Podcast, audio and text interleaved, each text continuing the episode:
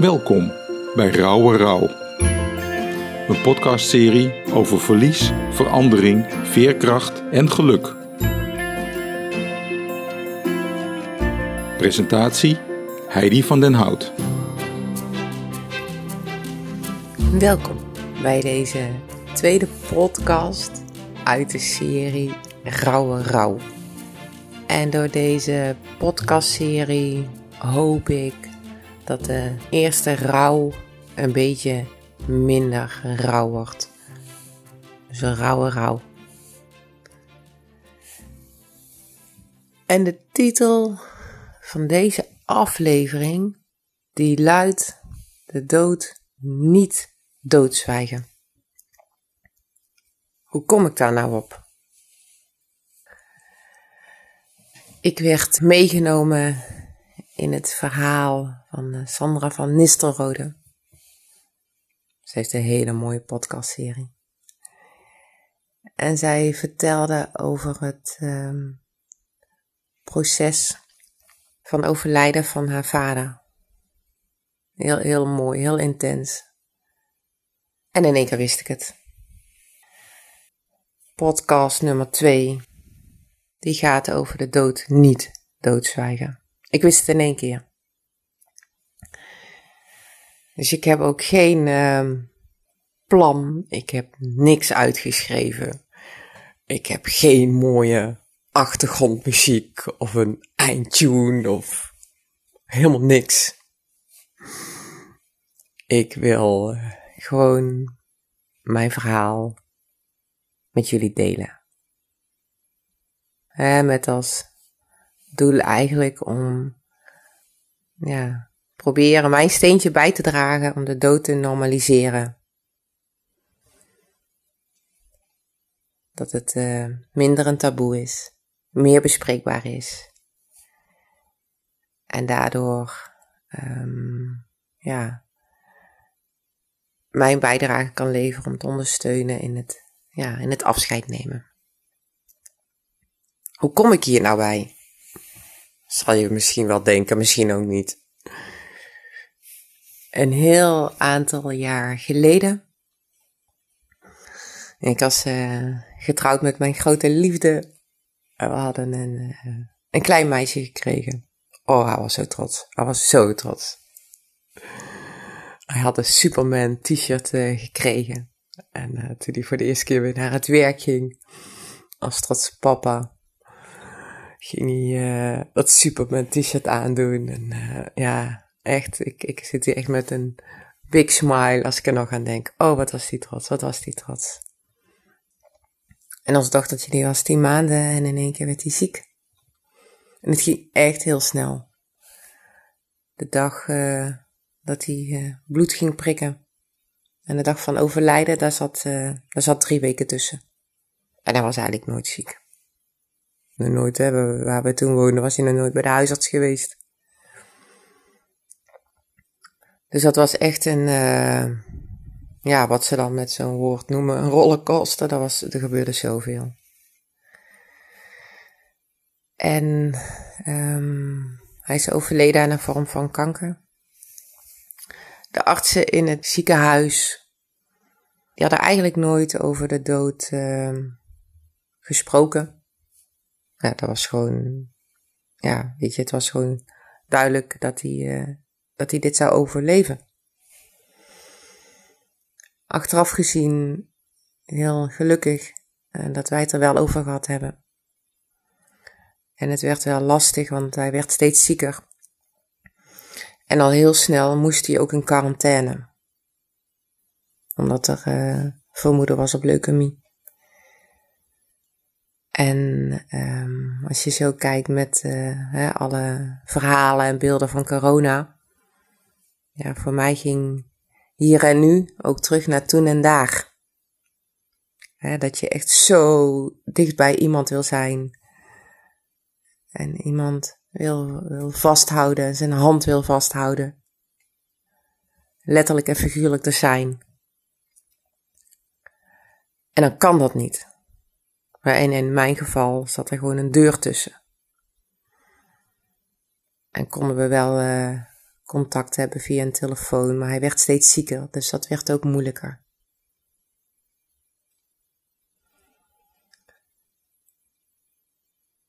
En toen die uh, was overleden, um, ja, dat was een, uh, dat was een klus. Um, ik had wel uh, rouwarbeid uh, te doen. Nou kan je zeggen, je kan beter moe worden van de hele dag in de tuin werken als rouwarbeid. Jeetje, wat een, ja, het was echt een klus. En ik wilde dat um, onze dochter, haar papa, uh, dat ze verhalen zou horen, ook als ze groter was. Over haar papa en over de leuke dingen en de maffe dingen. dat echt humor. Ik had hij ook zijn minder kanten. dat wilde ik heel graag. Dus de, ik had, was voor mij heel duidelijk, die, die begrafenis, dat moet echt een ode aan hem worden. En uh, we hadden toen een, uh, een pastoor, die was uh, heel ruimdenkend. Dus dan mocht bijvoorbeeld ook muziek gedraaid worden, die hij dan leuk vond. Maar die eigenlijk helemaal niet zo kerkelijk was. Maar dat was wel, um, ja, dat je dan wel op een hele persoonlijke manier ook afscheid kan nemen en niet zo vastzit aan een protocol. En um, mijn laatste woorden aan hem voordat hij uh, ja, werd gereanimeerd um, en, en daarna overleed. Ik heb nog tegen hem kunnen zeggen van, uh, ik hou van jou. En ik heb zijn hand nog vast kunnen houden. En uh, nou weet je, het raakt me weer, ook al is het jaren geleden. Maar als iemand doodgaat, de liefde eindigt niet. Dus die liefde die is er nog steeds. En daarom raakt het ook zo. Maar ik heb dat gelukkig nog kunnen, kunnen uitspreken aan hem. Want jij liefde is wel de sterkste kracht.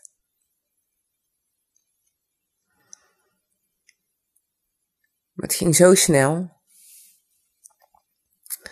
En uh, dus ik wilde, ik neem het even mee terug. Ik wilde dat het een ode aan hem werd.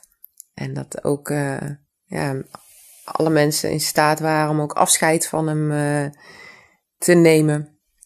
Hij woonde op dat moment in België. Dus ik wilde dat de avondwaak in België was. En uh, ja, de begrafenis, die was in, in Nederland. De dag, de dag na mijn um, verjaardag. En de avondwaak was op mijn verjaardag. Ja, dat is absurd. Hij had vanuit het ziekenhuis nog een, uh, ja, hij kon natuurlijk niks doen, want hij zat ja, ook in quarantaine. Dan had hij een cadeautje besteld. En die heb ik, uh, ja, bij zijn kist uitgepakt. Ja, echt, uh, echt absurd. Maar ik heb hem nu ook aan. Een hele mooie ring. Ja, dat is een verjaardag, uh, ja, dat is bizar.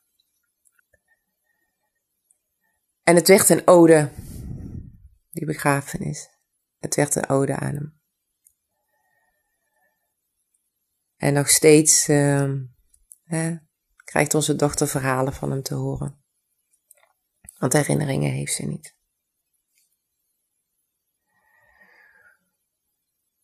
Als ik kijk uh, naar een ander groot verlies in mijn leven, is dat het verlies van mijn vader. En die was eigenlijk, dat was heel plotseling, die had een hartstilstand. En dat was weer heel anders, een andere beleving. Uh, omdat je dan in één keer hoort van dat hij dood is. En mijn vader uh, was, is heel speciaal. Sowieso omdat hij mijn vader is. Uh, hij heeft ook een hele belangrijke rol gespeeld in het um, jonge leventje van onze dochter. En hij deed vaak uh, activiteiten die eigenlijk haar papa zou doen. En dat deed hij dan, hè, mijn vader deed dat dan met ons dochtertje. Dus um, ja. En toen was hij in één keer dood. Zo. Dus voor mij zag dat proces van afscheid nemen er weer anders uit als met mijn grote liefde. En ook voor onze dochter, want die was inmiddels negen. En voor haar was het, het uh, ja, toch wel het eerste grote verlies. Uh, wat zij bewust kon meemaken. Ja, want toen zij zo klein was, tuurlijk, ze was erbij. Ze was erbij en haar lijfje was erbij en alles was erbij. Uh, maar met negen, ja, is het dan toch weer een ander bewustzijnsniveau. En ik heb ook heel erg met haar gekeken van, uh, ja, wat heb je nodig en wat heb je nodig om afscheid te kunnen nemen. En uh, opa lag thuis opgebaard. Dus het was ook heel makkelijk voor ons om even binnen te lopen, en uh, nou, de kleinkinderen die, uh, die gingen daarbij kletsen. Die hebben een, uh, een gedicht gemaakt. Die zijn ook heel erg betrokken geweest bij de, bij de dienst. En ik heb met onze dochter ook gekeken van... hij hield heel erg van zult. Dus we zijn ook naar die Jumbo gegaan. En ja, nou goed, er ligt ook zult in zijn kist.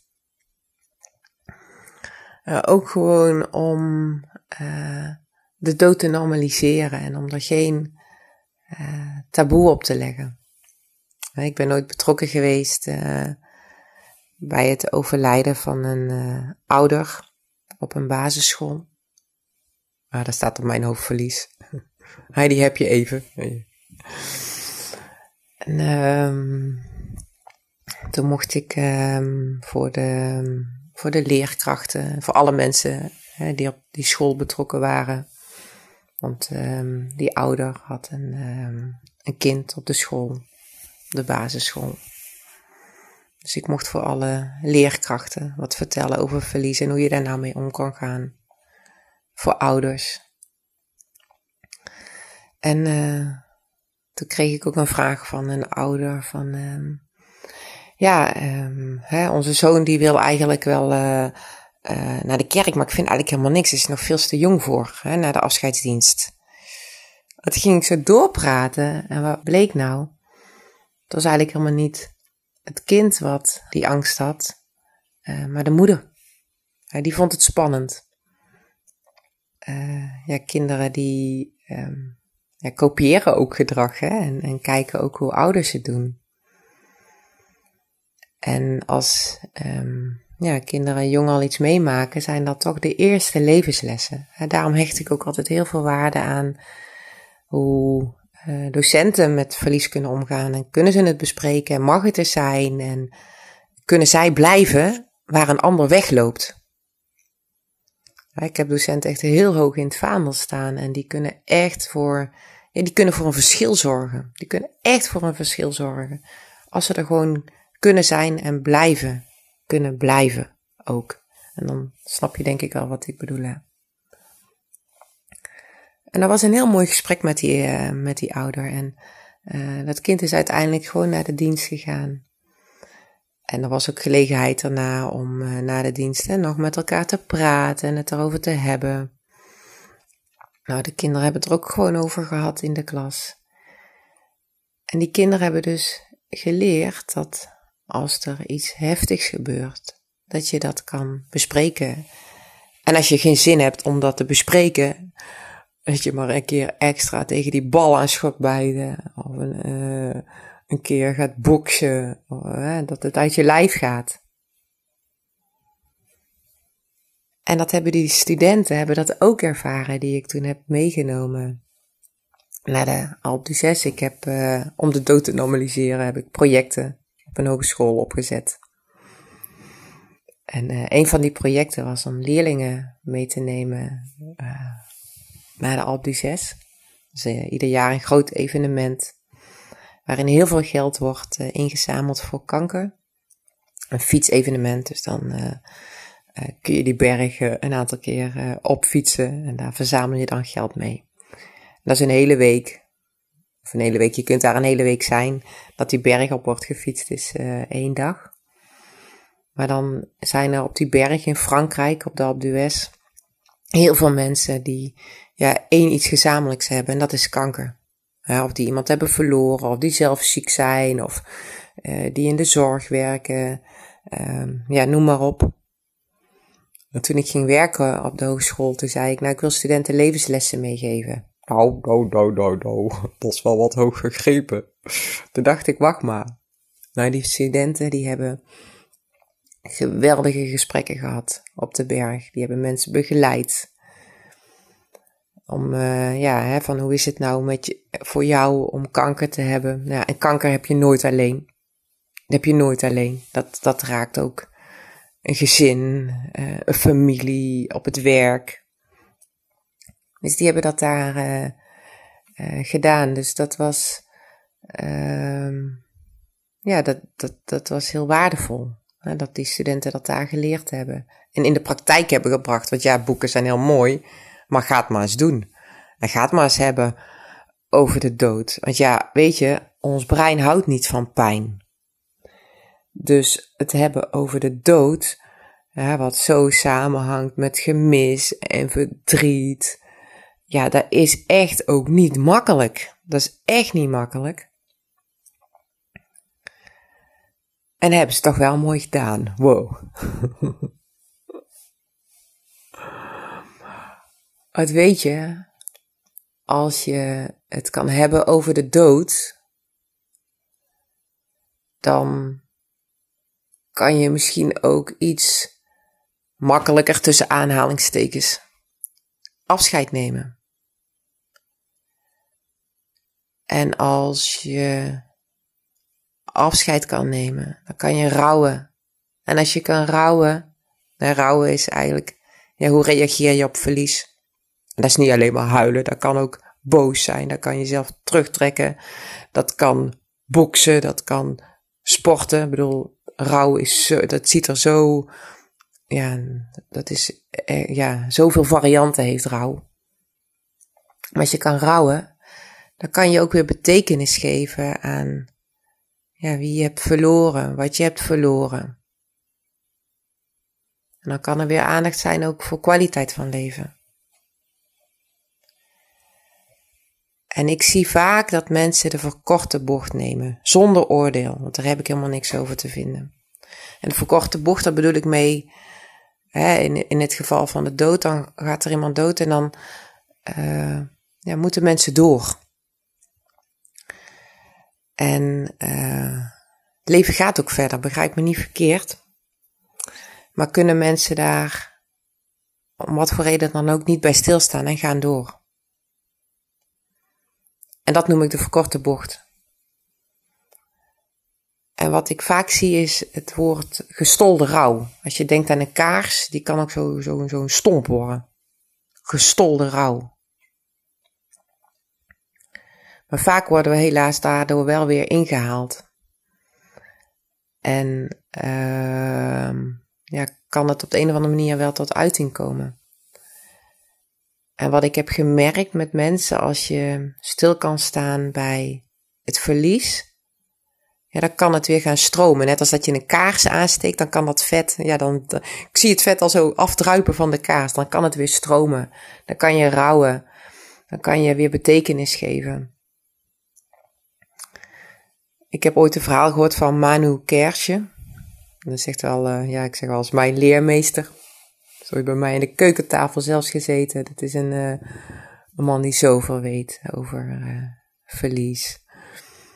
En die vertelde ooit een verhaal dat er een, een, school was afgebrand. En er waren ook een paar kinderen bij betrokken. Een paar kinderen overleden.